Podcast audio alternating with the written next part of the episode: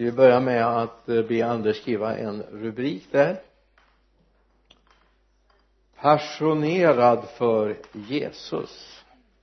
Passionerad för Jesus.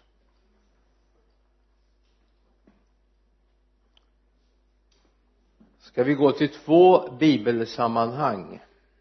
Ganska korta. Båda hämtade ur Johannes evangeliet först från sjuttonde kapitlet Johannes.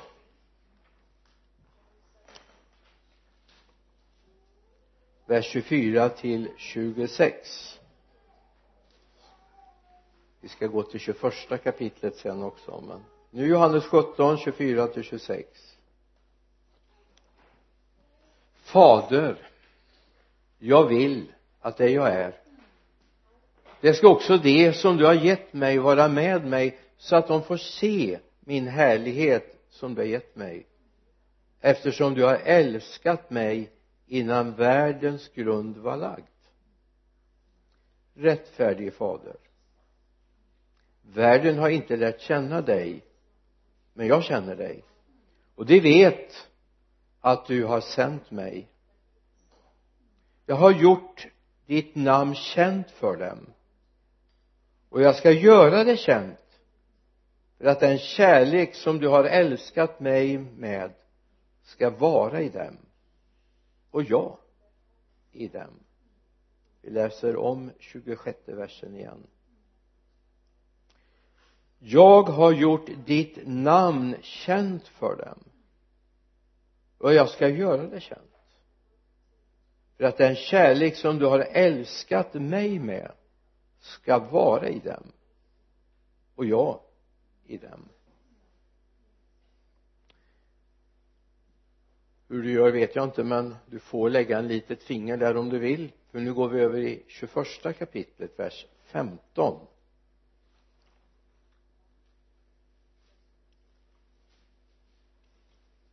det här är en av tre frågor men som har samma tema. Jesus är det tillsammans med den Petrus som hade förnekat honom. När de hade ätit sa Jesus till Simon Petrus Simon Johannes son älskar du mig mer än dessa gör?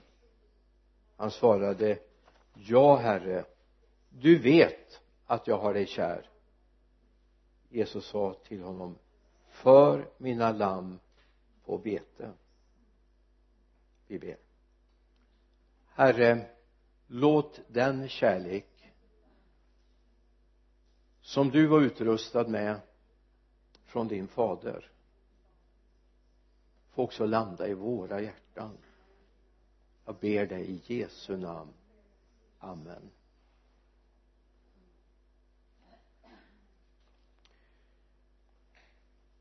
Ibland märks det var vi har varit eller inte varit. Det märks på det, i det vanliga livet. Det gick inte att dölja när jag var barn när jag hade lekt i pappas kolkällare. Den plats där kolet förvarades som vi eldade för att hålla varmt i de stora växthusen. Det var ingen liten kolbinge utan det var en hel källare fylld av kol. Och det är klart att när eh, jag kom in så syntes visitkorten ganska väl på jackan, händerna, byxorna och skorna eller stövlarna. Och det var väl kanske inte så undligt att mamma ibland sa men måste ni verkligen leka där? Ni förstör ju kläderna och ni ska komma ihåg det här var ju en tid när man inte hade tvättmaskin. Utan det var skurbräda bykgryta man eldade under och handtvätt. Det är klart dåtidens material var inte så lätta att få rena från kolet som hade hamnat på dem. Men det finns andra saker som lämnar visitkort efter sig. Ibland kan det vara så att föräldrar faktiskt ser vad barnen har gjort även om man inte har lämnat smuts på kläderna efter sig. Eller på annat sätt har visat var man har varit. Det kan vara en nedfälld blick. Blicken är inte lika frimodig som den har varit tidigare glädjen har kunnat ta slut. Om man vet att man gör saker som föräldrarna har sagt att det här skulle du inte gjort det här borde du inte göra de här skulle du inte leka med och så vidare. Och så har det hänt. Det är inte säkert att man kommer hem med smutsiga kläder men man kan känna att frimodigheten har försvunnit. Och nog är det lite märkligt att det beteendet följer med oss upp i åldern också. Det är inte bara barnen som kan slå ner blicken ibland. Det kan även vuxna göra när man inte har frid med Gud.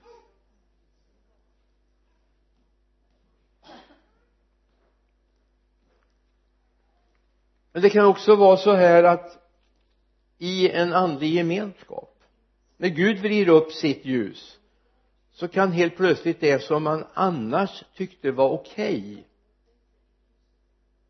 kan man upptäcka nej men det kanske inte var så okej. Okay. jag kanske inte borde göra så. Jag borde inte använda det språkbruket eller tänka på det sättet. Att leva i en, en kärlekslös relation till den eller den jag kanske borde be om förlåtelse. Det kan märkas när friden är störd i en relation. Äkta makar kan uppleva det sig emellan. Föräldrar, barn kan uppleva det men också i en församlingsgemenskap kan vi uppleva det när friden försvann. Frimodigheten försvann och ibland kan det vara faktiskt så att Gud snäppar upp ljusstyrkan från sin helighet något. Eller att vi kommer in i en besökelsetid där Guds ande är på gång och rör sig ibland oss. Och så känner man det här var inte roligt. Det här var inte bekvämt. Under åren 48 år i förkunnargärning så upplever man det här gång efter annan. Att människor ena dagen kan känna sig väldigt bekväm i församlingsgemenskapen. Men nästa dag nästa söndag så har det hänt någonting i den andliga atmosfären och så helt plötsligt känner man man det här är inte bekvämt längre att vara i den här församlingen och då är det alltid fel på församlingen. Det är sällan fel på en själv. Det är alltid fel på de andra. Men ibland kanske vi borde stanna upp och fundera på hur är det i oss själva? Finns det någonting där? Redan i första moseboks fjärde kapitel vers 7 så är det Gud fader som möter Kain Adam och Evas son. Det är någonting som har hänt. Inte i det de säger inte i det de gör men det finns någonting i sinnet som har hänt. Då säger Gud så här är det inte så att om du gör det som är gott ser du frimodigt upp? Men du inte gör det som är gott då lurar synden vid dörren den har begär till dig men du ska råda över den. Vad var det som har hänt? Jo avund hade kommit in i Kains hjärta. Abel hans bror och Kain skulle offra till Gud. Kains offer tog inte Gud emot det här blir en annan predikan så den ska vi inte ta idag varför tog inte Gud emot Kains offer? Medan Abels offer var välbehagligt inför Gud det togs emot av Gud. Någonting kan vi konstatera de kunde ändå registrera om det togs emot eller inte togs emot av Gud. I barnteckningar brukar det synas att att eh, när, när man tänder på för det var, det var ett offer som man skulle ge och bränna ett brännoffer. I en barnteckning kan man se hur Kains rök inte stiger upp inför Gud. Medan Abels offer där stiger röken upp inför Gud. Nu tror jag inte det var så enkelt. Det kan vara ett bra sätt att försöka beskriva det på. Utan det fanns någonting i deras närhet till Gud fader som de konstaterade det här togs inte emot. Tänk att det här finns kvar. Än idag. Den som är begär eller ser du frimodigt upp men om du inte gör det som är gott då lurar synden vid dörren. Alltså när jag börjar inte vilja se Gud. När jag växte upp hemma i församlingen så hade vi en en Hanna i församlingen hon var jobbig. Hon var hemskt jobbig. Usch så jobbig hon var. Men så otroligt snäll. Så otroligt snäll men hon var så jobbig. För det var ju ibland när vi var ute på, på, och, på lördagskvällarna och kanske kommit hem väl sent på kvällen och kanske inte var så ja det, det var inte säkert att det som hade hänt på kvällen. Och nu ska vi alltså i, i dagens mått mätt så hade ingen lyft på ett ögonbryn för det. Men hade vi inte haft tid med Gud på lördagen så hade hon en genomträngande blick. Och den var jobbig. Hon sa ingenting. Hon bara log. Hon bara visade att hon älskade oss. Men det var någonting hon tittade rakt igenom. Och man kände att den blicken vill jag inte möta. Och så var det tillfällen när man verkligen var taggad och gick med Gud. Då ville man möta Hannas blick. Då ville man att hon skulle se. Nu är det okej. Okay. jag tror det där satt mer i våra hjärtan och i mitt hjärta än i hennes hjärta egentligen.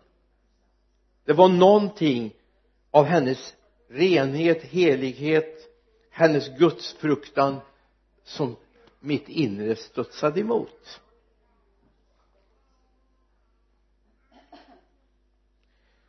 Det märks vem man har varit med. Det märkte vi med våra barn ibland. Man kunde märka det på vilket språkbruk de kom hem med. Man kunde märka att oj det var inga bra kompisar. Det var ett alldeles för grovt och ovårdat språk. Medan andra så kom man hem på ett helt annat sätt. När jag reste under fem år och hade mötesserier och bibelstudieveckor och vad det nu var allt det var framför allt under åren när vi bodde i Norrland. Jag var i Finland en hel del och sen var jag från Skåne upp till det området ungefär där vi bodde jag några mil längre norrut. Så kom man till församlingar och så mötte man ju då oftast församlingsledningen. Det var ju de man träffade först de tog emot den och var väldigt vänliga. Och ibland så tänkte jag så här yes. Det här blir underbart att träffa alla i församlingen inte minst ungdomarna de blir spännande att träffa. För de vuxna man mötte de i församlingsledningen var fulla av tro man berättade att nu har vi haft en bön och fastevecka här för den här mötesserien och man hann inte starta mötena men jag hann aldrig fram och predika förrän Guds ande bara var där. Och alla var på. Men så kom man till andra församlingar ibland och så träffar man på samma sätt församlingsledningen och det var mycket ack och ve och klagan och vi har haft det tufft och det är jobbigt här i församlingen och allt det där som man inte vill höra och så tänkte man undrar hur det blir att möta de ungdomarna. Fulla av missmod. Neddragna långt ner i skorna och plösen dragen över dem. Fanns ingenting av go. Ingenting av längtan, ingenting av hängivenhet. Och de hade ingen tro för att de skulle få sina kompisar med på vägen. Hade ingen längtan ens att de skulle bli med på vägen. Då tänkte jag det märks vilka man umgås med. Man kom till församlingar där man prisade Gud och talade i tungor. Då gjorde även de nyfrälsta det. När de äldre profeterade så gjorde också ungdomarna det.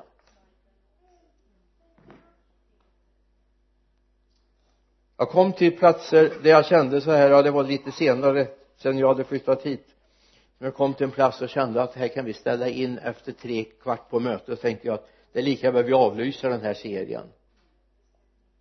Så hade jag inte frimodig att göra det tyvärr. Men det märks vilka vi umgåtts med. Jag menar man märkte ju på Jesu lärjungar om du kommer till apostlagärningarna 4 och 13 när de då noterar att Petrus och Johannes var två olärda män ur folket. Då står det så här när de såg hur frimodiga Petrus och Johannes var och märkte att de var olärda män ur folket blev de förvånade. Men så kände de igen dem. Och kom ihåg att de hade varit tillsammans med Jesus. Vad är kännetecknet för dig? Vad är kännetecknet för dig? Petrus och Johannes var det de hade varit med Jesus och jag ska säga nu får du spänna fast säkerhetsbältet ordentligt. Det märks i en gudstjänst i vår församling. Om många tar tid på lördagen och bett för söndagen. Eller om få har satt av den tiden som är livsviktig för vår församling. Klockan 21 är livsviktig om vi ska gå vidare. Och det märks för då har vi umgåtts med honom.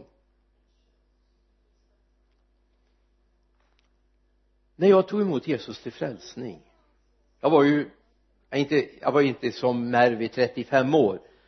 Det hade jag långt till då. Men i alla fall precis i skiftet mellan tonår och när man inte är tonåring längre. Gud var så nådig mot mig så jag från dag ett fick en inre kompass i mitt liv. Jag fick en ny inre kompass om vad som var rätt och fel. Jag hade ju inte hunnit få all undervisning i världen men jag visste vad som var rätt och fel. Och det var som om Guds ande ledde mig till bibelord. Därför jag fick en sånt sug att läsa Guds ord. Och då ska ni veta att när jag fick sug att läsa Guds ord då var det ett mirakel. Därför jag hade aldrig velat läsa någonting. Alltså skolböckerna så länge det var stor stil och mycket bilder då gick de bra. Om det nu inte var matteböcker för det tyckte jag var spännande. Men för övrigt var jag inte alls förtjust i skolans böcker. Men så helt plötsligt gavs det en längtan framförallt att läsa bibeln börja umgås med bibeln. Börja fundera över vad står det egentligen? Vad betyder det? Och så vidare. Det här brann inom mig. Fullkomligt. Vad var det som hände? Jo det som eh, Jesus talar om till Nikodemus i Johannes 3 och 3 det har hänt. Det säger han så här amen säger jag dig den som inte blir född på nytt kan inte se Guds rike. Men det som hade hänt det är att jag hade blivit född på nytt. Och mina ögon hade öppnats. Jag såg Guds värld. Och jag längtade efter att få fördjupa mig precis som jag har gjort en ny erfarenhet, en ny upptäckt. Nu vill jag veta mer om detta. Jag var ingen teolog. Och har inte blivit det sen heller men jag bara älskar att få lära känna Jesus mer. Vi har vandrat tillsammans med Jesus i snart 50 år. Och jag kan inte slå mig för bröstet och säga jag vet allt. Kom och fråga mig, jag vet allt. Utan jag bara förstår att jag kan väldigt lite. Och bara är hungrig på att lära mig mer och förstå mer. Varje dag börjar med en hunger. En hunger att få fördjupa mig i Guds ord. Jag förstår att det är det enda viktiga. Inte bara utifrån den tjänst eller uppgift jag har utan som kristen. Som kristen är det jätteviktigt. Vad hände mer när den här inre kompassen kom in i mitt liv? Jag fick en enorm längtan att vara med andra kristna. Enorm längtan jag börjar bli jättejobbig för mina kompisar. För jag vill inte vara med dem. Och jag menar gå på bönemöten i min hemförsamling. Alltså det var inga highlights. Utifrån mänskligt perspektiv. Utan det var ganska torrt. Ganska jobbigt. Gamla tanter och farbröder som bad hur länge som helst fanns ingen broms på dem och ibland så satt man nästan och tänkte man skulle försöka bromsa ner dem. Ändå fanns det någonting i mitt hjärta. Jag måste vara där. Här är Gud, där måste jag vara. Jag kände som Jesus när han sitter kvar i templet och de är på väg hem till Nasaret och han är inte med i resällskapet. Och han säger jo men jag måste ju vara där min far är. Det var den längtan jag hade eller gå på gudstjänster. Gudstjänster och samlingar var ingen energitjuv för mig utan det var tillfällen där jag tillfördes kraft.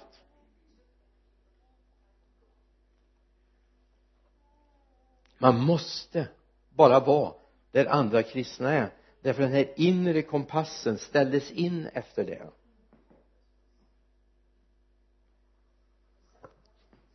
I apostlagärningarna 4 vers 18 till 20 står det om Petrus och Johannes igen.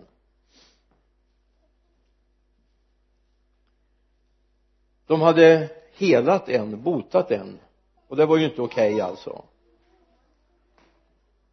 Det står att de kallade in dem, Petrus och Johannes och förbjöd dem att överhuvudtaget tala eller undervisa i Jesu namn men Petrus och Johannes svarade döm själva om det är rätt inför Gud att lyda er och inte Gud. Så för vår del för vår del kan för vi för vår del kan inte tiga med vad vi har sett och hört. Visst är det märkligt att vi kan tiga? Visst är det märkligt att vi kan tiga med det vi har sett och hört? Paulus uttrycker samma sak men på ett annat sätt i romarbrevets första kapitel vers 16 och 17 det säger Paulus. Jag skäms inte för evangelium. Det är en Guds kraft som frälser var och en som tror. Först juden och sedan greken. Rättfärdighet från Gud uppenbaras i evangelium. Av tro till tro. Som det står skrivet den rättfärdige ska leva av tro.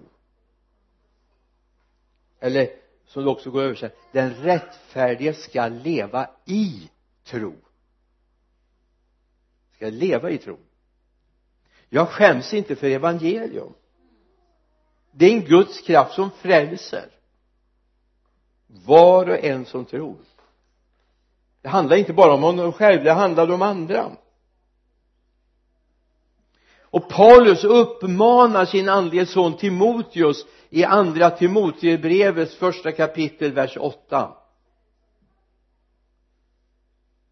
det säger skäms alltså inte för vittnesbördet om vår Herre och inte heller för mig hans fånge utan bär också du ditt lidande för evangelium efter den kraft som Gud ger. Skäms alltså inte för vittnesbördet om Herren. Skäms inte. Våga stå upp för det. Jesus passionerade människor älskar jag. Jag älskar Jesus passionerade människor. Människor som verkligen vågar ge sig hän. Men då funderar jag så här är det okej okay i det samhälle där vi lever? att vara passionerad för Jesus är det okej okay? ja i vårt perspektiv så är det okej okay, naturligtvis men i världen är det okej okay. alltså det är underbart att möta hängivna Jesus passionerade överlåtna människor som är förälskade i Jesus och vill följa honom i allt som gör markeringar mot det som rör sig i den här världen. Då tycker människor att man är en fanatiker. Man är överspänd. På gränsen till lite suspekt. Men om samma människa vore passionerad för något idrottsevenemang eller en idrott då röjer man ingenting. Då åker man på alla mästerskap. Jorden runt och man lånar upp på banken för att ha råd att följa med för att följa sitt lag. Ja vi kan tycka ja men är inte lite överspänd. Men det är okej okay i den här världens ögon. Det är okej okay att ta ledigt från jobbet för att följa sitt lag i en viktig match. Men hur ofta är det okej okay att ta ledigt från jobbet för att vara på en gudstjänst? Ja det är en fråga. Frågan är var finns passionen för Jesus? Var finns passionen? Vad får det kosta? För några år sedan var det något mästerskap någonstans i världen jag tror det var fotboll.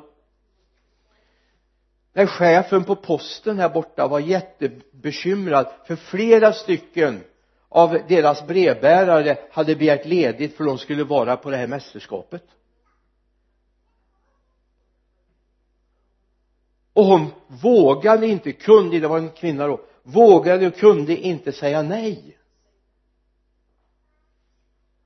För man vill inte komma i konflikt med sin personal. Men jag undrar om 15 stycken, eller nu kanske inte var fem, sex var det väl hade sagt så här vi måste ha ledigt för vi ska åka på en kristen konferens.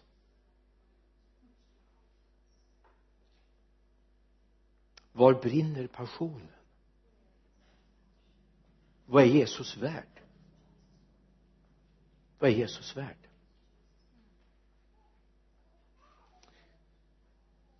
Jag har ingen anledning att gnälla i den här församlingen. Absolut inte. Det finns så oerhört mycket hängivenhet.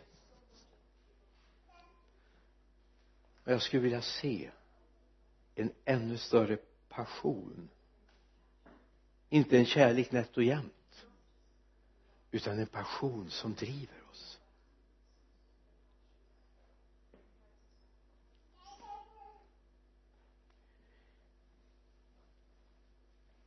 Även om jag kanske inte ska predika om mig själv kan jag ändå säga att jag är en Jesus passionerad människa.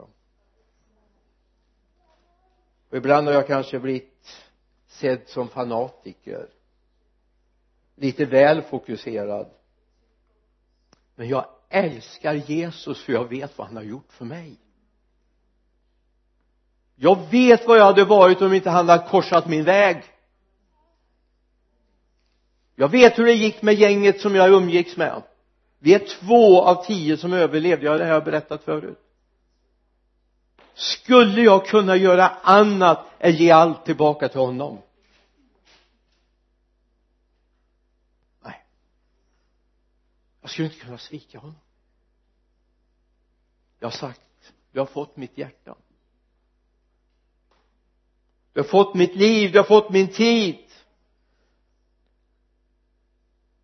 Det står i Johannes 3 och 16 ty så älskade Gud världen att han utgav sin enfödde son för att den som tror på honom inte ska gå förlorad utan ha evigt liv. Vers 17 inte sände Gud sin son till världen för att döma världen utan för att världen ska bli frälst genom honom. För att den som tror på honom inte ska gå förlorad. Jag vill inte gå förlorad. Jag har stått där och jag vet vad det handlar om. Ibland har jag funderat på den pastor jag jobbat tillsammans med i min första eller min andra församling. Han måste varit närmast knäpp som gav mig sådana förtroenden. Efter kontakt med sjukhusledningen fick jag som 21-åring vara sjukhuspastor under en period. Vilken erfarenhet hade jag för det? Ingen. Men Gud hade en annan plan. Gud tänkte annorlunda. Jag var ju kittlad naturligtvis. Jag fick sitta där med människor som får väg att lämna det här livet. Jag kan säga några av dem vars hand jag satt och höll deras liv skulle jag inte vilja bytt ut och haft. Jag skulle inte bytt med deras situation. När människor i slutskedet ser in i kompakt mörker och förbannar sin födelsedag. Men jag fick också sitta och hålla i hand en kvinna som gick över gränsen och bara såg jag ser dig Jesus jag ser dig Jesus. Så fick jag igen, lägga igen hennes ögonlock. Lägga hennes händer i kors på bröstet. Kalla på personal så de kom. Jag var ju inte sjukvårdsutbildad jag visste ju inte vad som har hänt. Jag fick ändå göra den där sista kärleksgärningen. Satt med en man som hade haft det så fruktansvärt här i livet men han älskar Jesus fick följa honom de sista andetagen genom livet. Och det var bara tack och lov prisat var Jesus. Aj nu gör det ont. Och så var det tack och lov igen. Jag fick en erfarenhet som jag inte skulle vilja varit utan.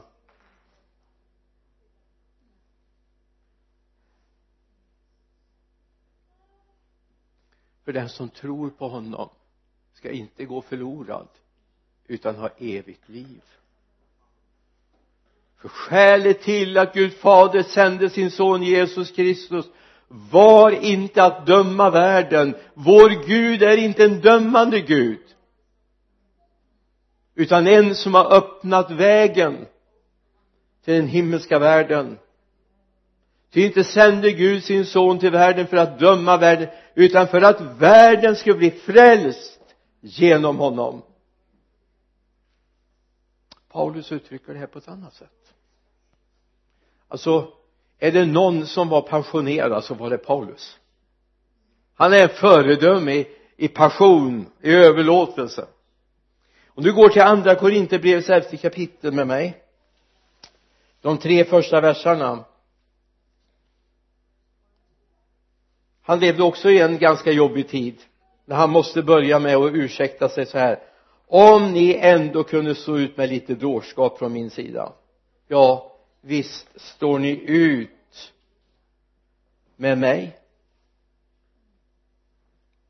Eftersom jag brinner av iver för att med, med eld som kommer från Gud jag har trolovat er med en enda man för att föra fram en ren jungfru inför Kristus. Men jag är rädd för att liksom ormen med sin lust list bedrog Eva så skall också era sinnen fördärvas och vändas bort från den uppriktiga och rena troheten mot Kristus. När jag tog emot Jesus så hade vi en pastor hemma som jag uppskattar otroligt mycket. Han hade precis avslutat sin tjänst. Vi hade fått en ny pastor men han fortsatte att ta sig an oss ungdomar. Åldersskillnaden var ju skyhög egentligen. Och det borde inte funnits någon som helst möjlighet. Men jag kände bara att när jag bekände för honom att nu har jag tagit emot Jesus för det gjorde jag i min ensamhet så var det som han direkt kopplade mig och förklarade för mig nu har du trolovat dig med Gud för hans sons skull. Du är trolovad med Kristus. Han ska vara din första och din viktigaste prio i livet. Han sa det med en sån värme och en sån omsorg och sån kärlek så jag kände bara yes Gud yes Gud. Så är det. Att vara trolovad det är att i tro och trohet lova att man inte går åt annat håll med sin kärlek. För all passion bygger på kärlek och då är det inte det här eroskärleken som man pratar om i den här världen. Utan det handlar om en kärlek där jag är beredd att dö för den andra. Jesus visade han var beredd att dö. Så älskade Gud världen att han utgav sin enfödde son. På det att var och en som tror på honom. Han utgavs och som vi hörde läsas förut här han var gjorde det av egen fri vilja. Passionen kommer inte. Och borde inte på grund av rykten eller antaganden. För då kommer den blomma över väldigt fort. Det finns allt för mycket trohet som är grundad i känsloliv. Inte i ett äkta avgörande. Känslorna kommer jag lovar. Men det handlar inte om en känslomättad stund en gång. Utan det handlar om ett beslut. Jag ger mitt liv till honom. Därför han har gett sitt liv för mig. Det är ett beslut jag tar. För det finns någonting i den här liknelsen i Lukas 8 jag ska inte läsa hela liknelsen men vi läser några verser från vers 11 detta är liknelsens mening. Säden är Guds ord. De vid vägen är de som hör ordet men sedan kommer djävulen och tar bort det ur deras hjärtan så att de inte kan tro och bli frälsta. Och så kommer de på stenig mark är de som tar emot ordet med glädje när de har hört det men de har ingen rot. De tror bara till en tid. Och i frestelsens stund kommer de på fall. Vers 15 men det men det som föll i god jord är det som hör ordet behåller det i en uppriktig och gott hjärta och bär frukt och är uthålliga. Alltså tron måste få gå på djupet i våra liv. Vad är det att gå på djupet? Jo passionen måste förändra mig. Passionen måste förändra mig. Mitt tänkande. Mina värderingar. Min prioritet. Jag måste komma bort ifrån det tänkande som finns i den här världen att varje samling, varje gudstjänst kramar kraft ur mig. Varje samling för till kraft. Alltså att säga jag orkar inte. Det betyder att du har inte kopplat till dig.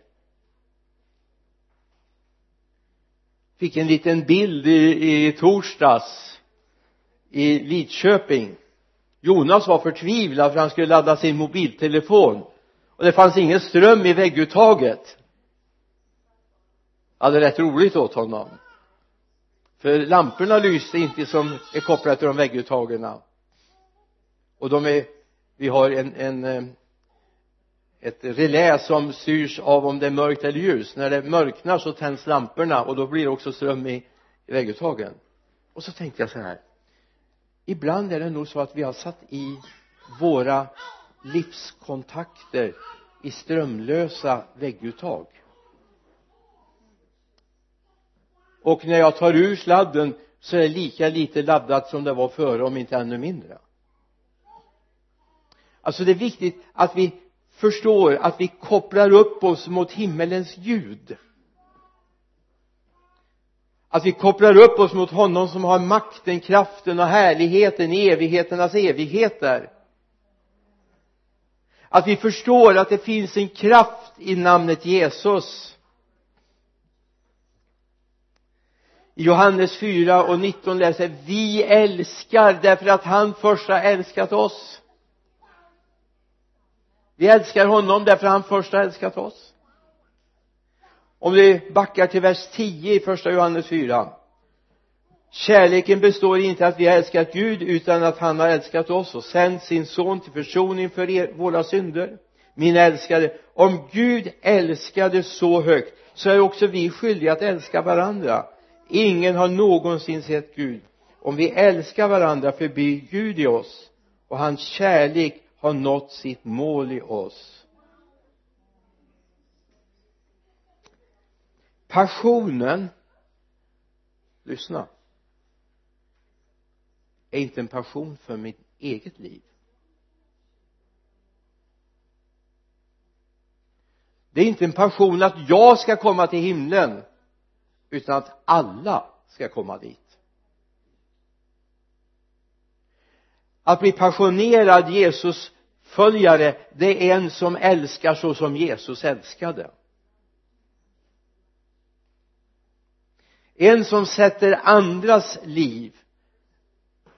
Det är inte de eller friska som behöver läkare utan de sjuka säger Jesus.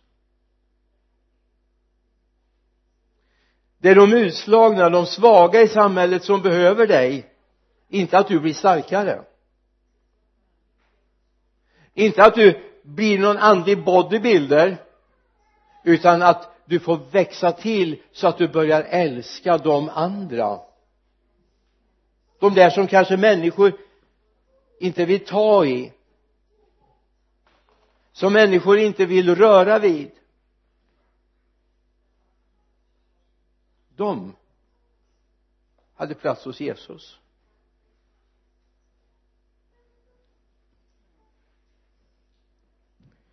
Frågan är vad är det som driver oss till det vi gör?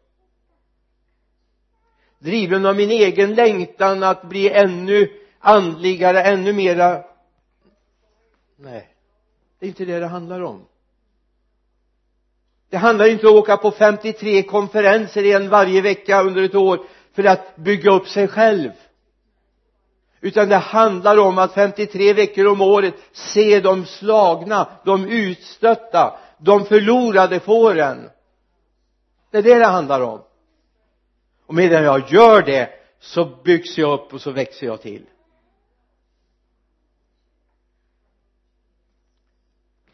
I Romarbrevets åttonde kapitel vers 13 vers till och med vers 15 om ni lever efter köttet kommer ni att dö men om ni genom anden dödar kroppens gärningar ska ni leva ty alla som drivs av Guds ande är Guds söner. Ni har inte fått slaveriets ande så att ni på nytt ska leva i fruktan. Nej, ni har fått barnaskapets ande i vilket vi ropar Abba fader.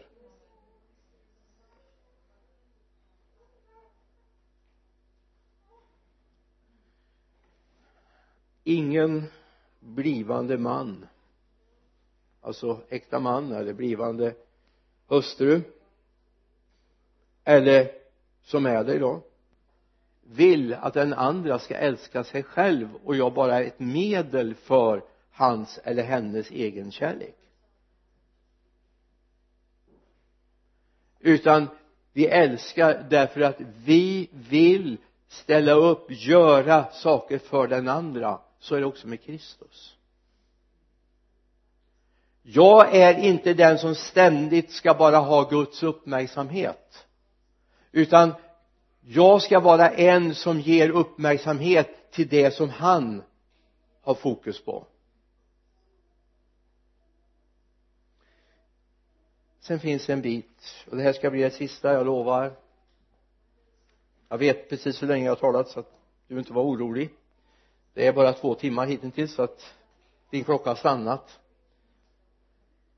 Vi ska snart duka fram för nattvardsfirande här. Nej.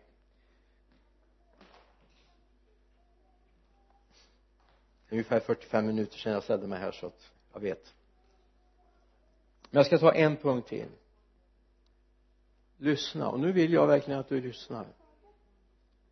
Det finns människor kristna hängivna och som lever i fruktan. Fruktan att misslyckas. Att inte passionen är rätt att jag inte är tillräckligt andlig att jag inte tänk om jag skulle misslyckas. Tänk om jag gör fel, säger fel, handlar fel. I första Johannesbrevets fjärde kapitel vers 16 till 19 och vi har lärt känna den kärlek som Gud har till oss och tror på den. Gud är kärlek och den som har bli, förblir i kärleken förblir i Gud och Gud förblir i honom. I detta har kärleken nått sitt mål hos oss. Vi, att vi är frimodiga på domens dag.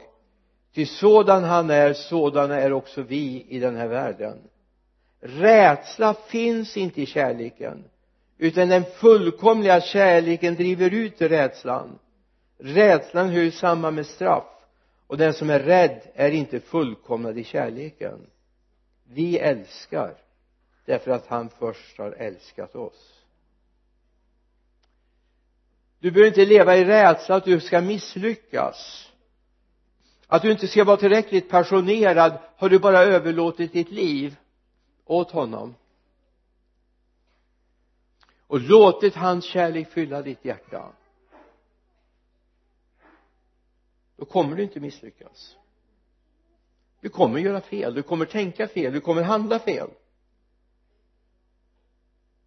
Fullkomligheten kommer när vi kommer hem till himlen. Men om kärleken får vara utgjuten genom en helig ande i ditt hjärta som romarbrevet talar om så kommer du leva i den kärleken därför han började med att älska dig han började med att älska dig.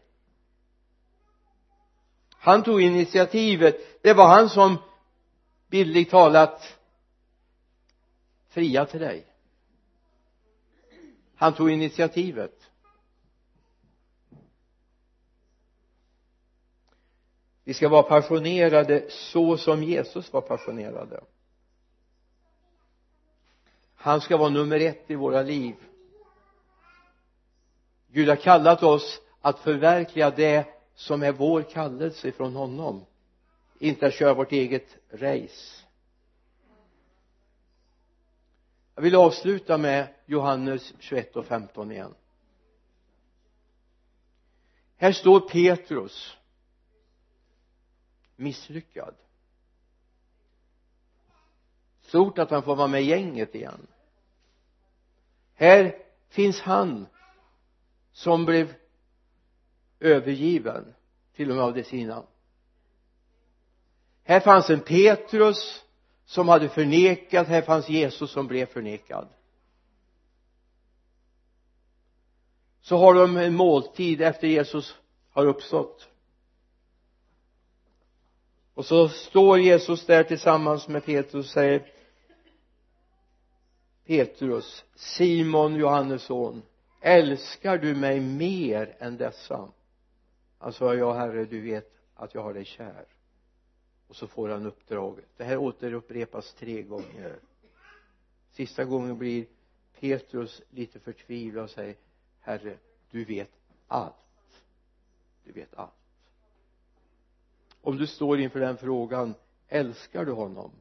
Är han nummer ett i ditt liv? Är hans församling nummer ett i ditt liv? Församling kan aldrig vara nummer två. Det finns ingen andra plats där.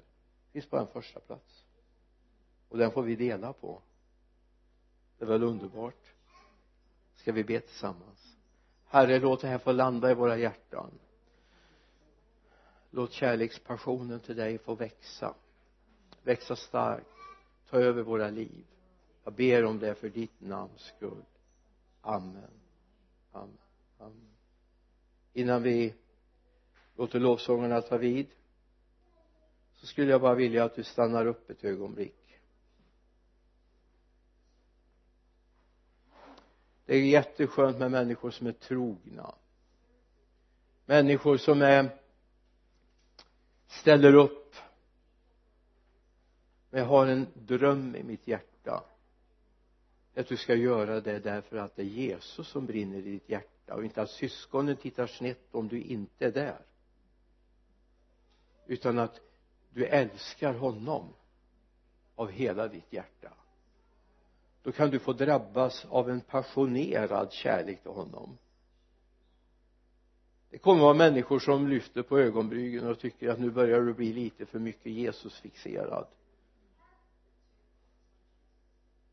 Men det gör ingenting. Det gör ingenting. Du fylls av glädje i den helige ande. Du fylls av glädje i den helige ande. Så jag vill bara att du böjer ditt huvud. Du sluter dina ögon. Så är vi inte intresserade av varandra varken framför eller bakom eller vid sidorna utan nu är det du. Jag har bara en dröm i mitt hjärta bara en längtan i mitt hjärta att du ska få bli helt Jesus fixerad. Det är inte farligt. Det är inte farligt att bli Jesus fixerad. Det är underbart att få börja vandra med honom. Du kommer få vakna imorgon bitti och må jättebra. Och du kommer vara glad och älska Jesus. Djävulen kommer försöka slå på dig men du bara ler därför att Jesus har fyllt ditt hjärta. Finns du här som känner jag vill ha en ny passion för Jesus. Jag vill fyllas av honom. Så räcker du din hand ett kort ögonblick.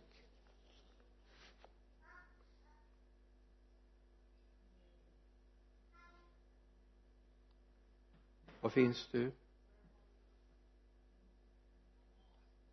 Som vill vara mer hängiven Jesus.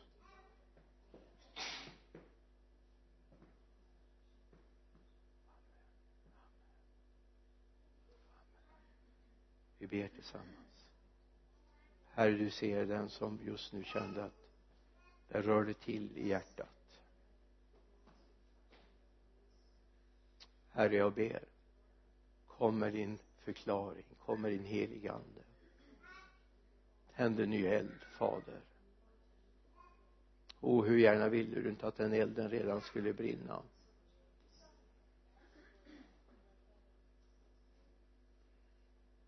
Herre låt den elden brinna i våra hjärtan.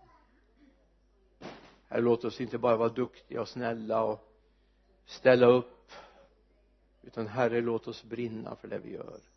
Jag ber dig i Jesu namn. Amen.